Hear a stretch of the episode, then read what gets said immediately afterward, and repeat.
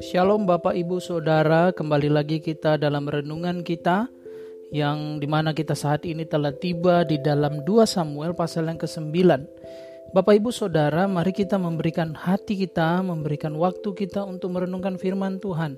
Kita percaya bahwa firman Tuhan lah yang akan memberkati kehidupan kita, menuntun setiap jalan kehidupan kita. Bapak Ibu, mari saya mengajak Bapak Ibu semuanya berdoa. Kami mengucap syukur untuk kebenaran-Mu hari ini yang mau kami renungkan Tuhan. Kiranya Engkau memberkati kami dan menolong kami untuk mengerti firman-Mu, sehingga kami bukan hanya menjadi pendengar tetapi juga melakukannya dalam kehidupan kami ya Tuhan. Kami mengucap syukur dan berdoa di dalam nama Tuhan Yesus. Haleluya. Amin. Bapak Ibu Saudara, mari kita membuka di dalam 2 Samuel pasal yang ke-9. Saya akan membacakan firman Tuhan di dalam 2 Samuel pasal ke-9 untuk kita semuanya. Mari Bapak Ibu semua bisa memperhatikan.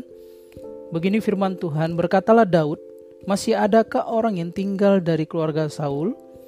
Maka aku akan menunjukkan kasihku kepadanya oleh karena Yonatan.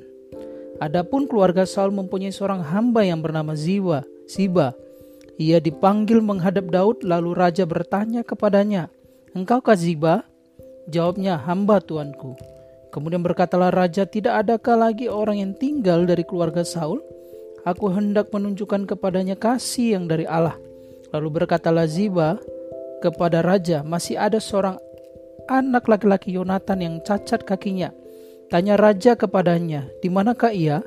Jawab Ziba kepada raja, dia ada di rumah Makir bin Amiel di Lodebar.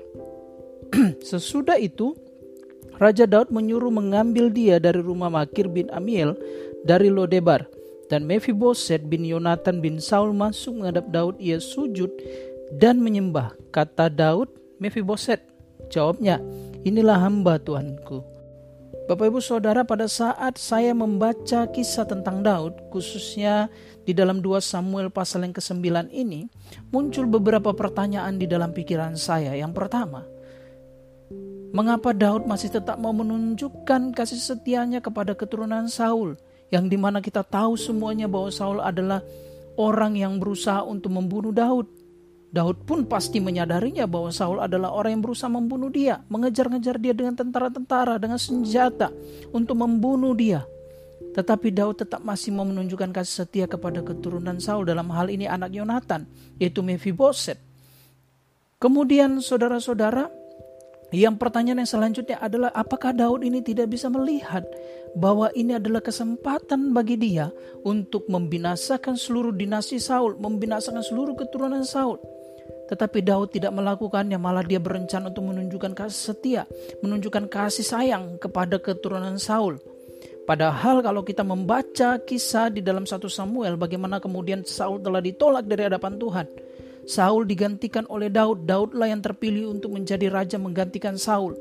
Dan pem, dan pembunuhan yang terjadi atas Saul dan juga keluarga keluarganya khususnya juga anaknya Yonatan dan juga mungkin keturunan-keturunannya yang lain adalah rancangan Tuhan, tampaknya adalah rancangan Tuhan untuk membinasakan atau untuk meniadakan seluruh dinasti Saul digantikan oleh dinastinya Daud. Tetapi Daud tidak melakukan itu, padahal ini adalah satu kesempatan.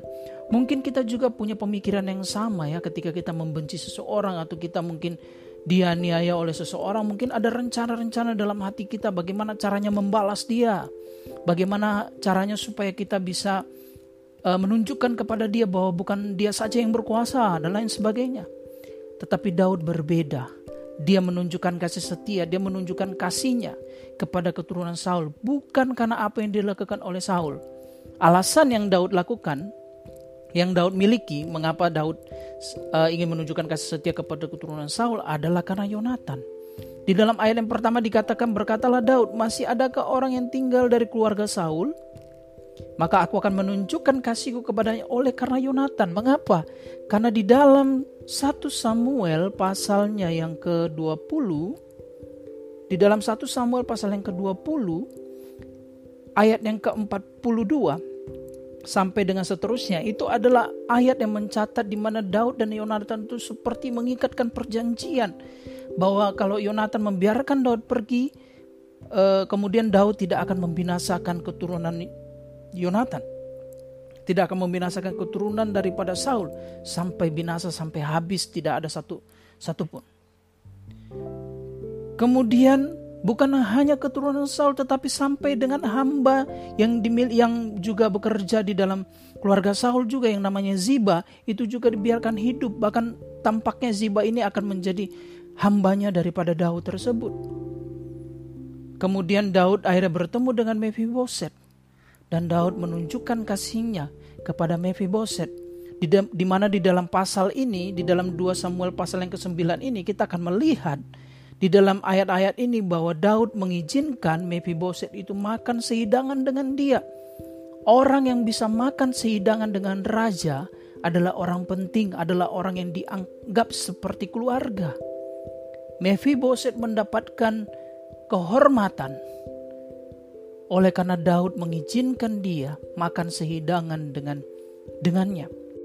Kalau kita melihat di dalam 2 Samuel pasal yang ke-9 ayatnya yang ke-10 begini firman Tuhan engkau harus mengerjakan tanah baginya engkau anak-anakmu dan hamba-hambamu dan harus membawa masuk tuayannya supaya cucu tuanmu itu ada makanannya Mephiboset cucu tuanmu itu akan tetap makan sehidangan dengan aku.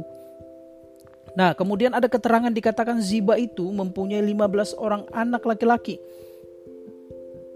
dan 20 orang hamba. Semuanya akan bekerja di bawah Mephiboset. Kemudian ayat ke-11 dikatakan berkatalah Ziba kepada raja, hambamu ini akan melakukan tepat seperti yang diperintahkan tuanku raja kepadanya. Dan Mephiboset makan sehidangan dengan Daud sebagai salah seorang anak raja. Mephiboset diangkat seperti seorang anak raja. Dia makan sehidangan dengan Daud dan mendapat kehormatan. Padahal kakeknya berusaha membunuh orang ini, yaitu Daud.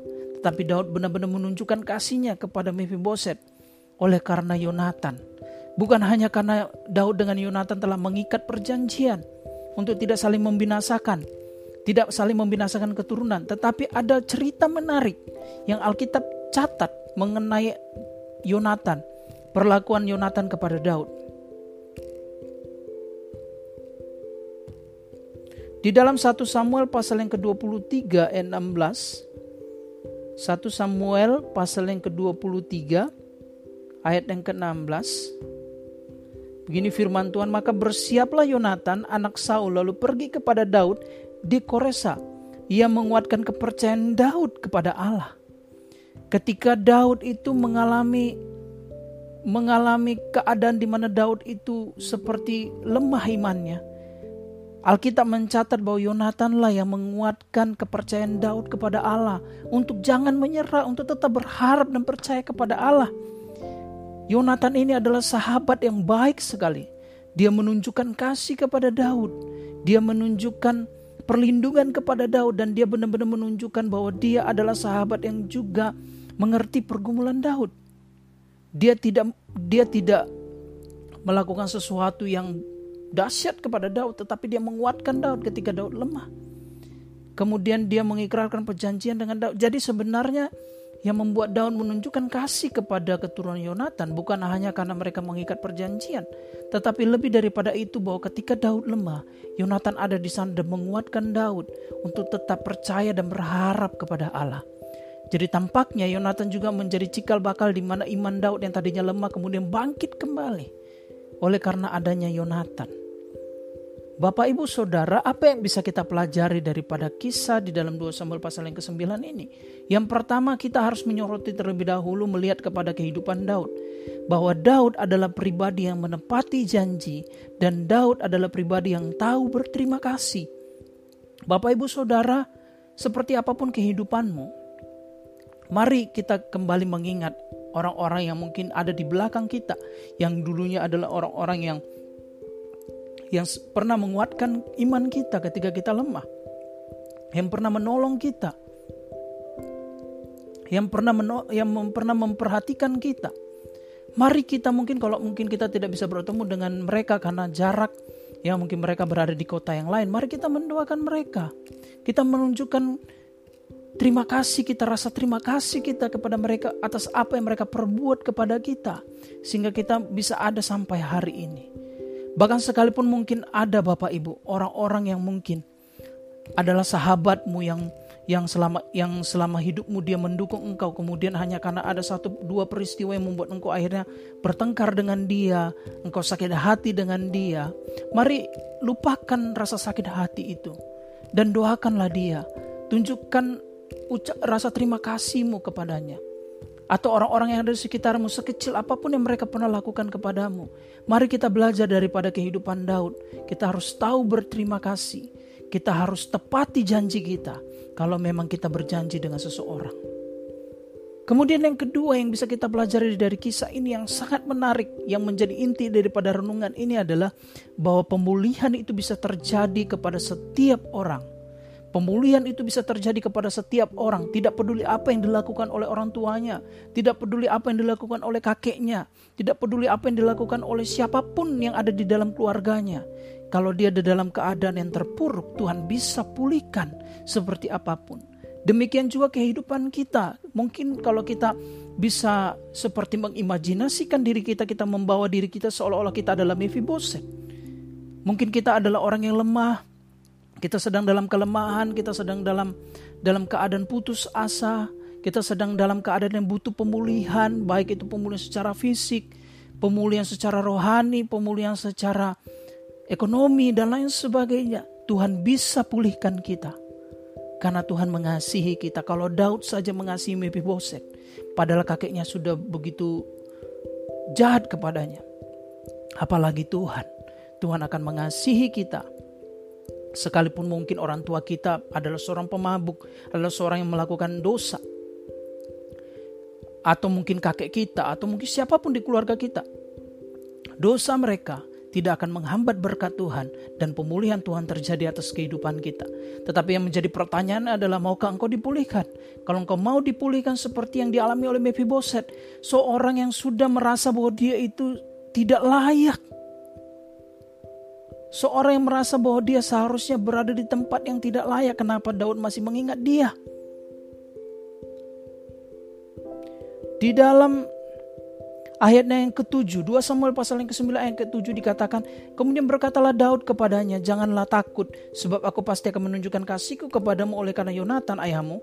Aku akan mengembalikan kepadamu segala ladang Saul, nenekmu dan engkau akan tetap makan sehidangan dengan aku. Lalu sujudlah Mephiboset yang ke-8 ini sangat menggugah hati Bapak Ibu. Mari baca bersama-sama di mana pun Bapak Ibu berada. 2 Samuel pasal yang ke-9 ayat ke-8 dikatakan begini. Lalu sujudlah Mephiboset dan berkata, apakah hambamu ini sehingga engkau menghiraukan anjing mati seperti aku. Bapak ibu saudara seperti apa pun kehidupanmu, seperti apa pun keadaanmu, Tuhan sanggup pulihkan engkau. Asal engkau datang kepadanya, asal engkau percaya kepadanya, berharap kepadanya, dia akan pulihkan kehidupanmu seperti dia memulihkan Mephiboset. Apa yang terjadi dalam 2 Samuel 9 ini adalah gambaran Kristus sebenarnya Bapak Ibu. Maka Bapak Ibu Saudara mari kita belajar daripada firman Tuhan ini bahwa sebagai orang percaya kita harus benar-benar menjadi orang yang tahu berterima kasih dan mengingat janji. Jangan melupakan janji sekecil apa pun itu. Jangan melupakan orang yang melakukan sesuatu yang seperti berinvestasi di dalam kehidupanmu Sekecil apa pun yang dia lakukan dalam kehidupanmu, dia menyumbangkan sesuatu daripada kehidupanmu sehingga engkau sampai hari ini, engkau bisa ada sampai hari ini. Kemudian Bapak Ibu Saudara, kita belajar bahwa pemulihan itu bisa terjadi kepada siapa pun.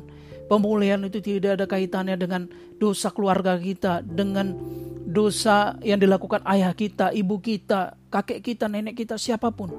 Pemulihan itu bisa terjadi oleh karena kita datang kepada Tuhan dengan sungguh-sungguh Bapak Ibu. Tuhan bukan hanya akan bisa memulihkan kerohanianmu. Tuhan bukan hanya akan memulihkan sakit penyakitmu. Tuhan bukan hanya memulihkan ekonomimu, dia bisa pulihkan apa saja. Asal engkau datang kepadanya, sujud menyembah kepadanya dan berdoa kepadanya, berharap kepadanya, maka dia akan pulihkan kehidupanmu. Amin Bapak Ibu, mari kita berdoa untuk mengakhiri renungan ini. Terima kasih ya Tuhan, untuk kebenaran yang kami sudah pelajari ya Tuhan. Kami belajar dua hal ya Tuhan. Dari Daud kami belajar bahwa kami harus menjadi orang yang tahu berterima kasih. Sekecil apa pun yang dilakukan orang-orang di sekitar kami kepada kami atau di masa lalu kami kepada kami. Kami harus tahu berterima kasih dan mengingat janji kami kepada mereka.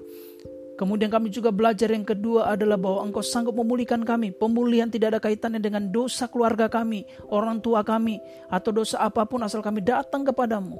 Engkau bisa pulihkan kami, baik ekonomi kami, kerohanian kami, fisik kami. Engkau bisa pulihkan ya Tuhan. Terima kasih Tuhan. Kami mengucap syukur untuk renungan ini di dalam nama Tuhan Yesus. Haleluya.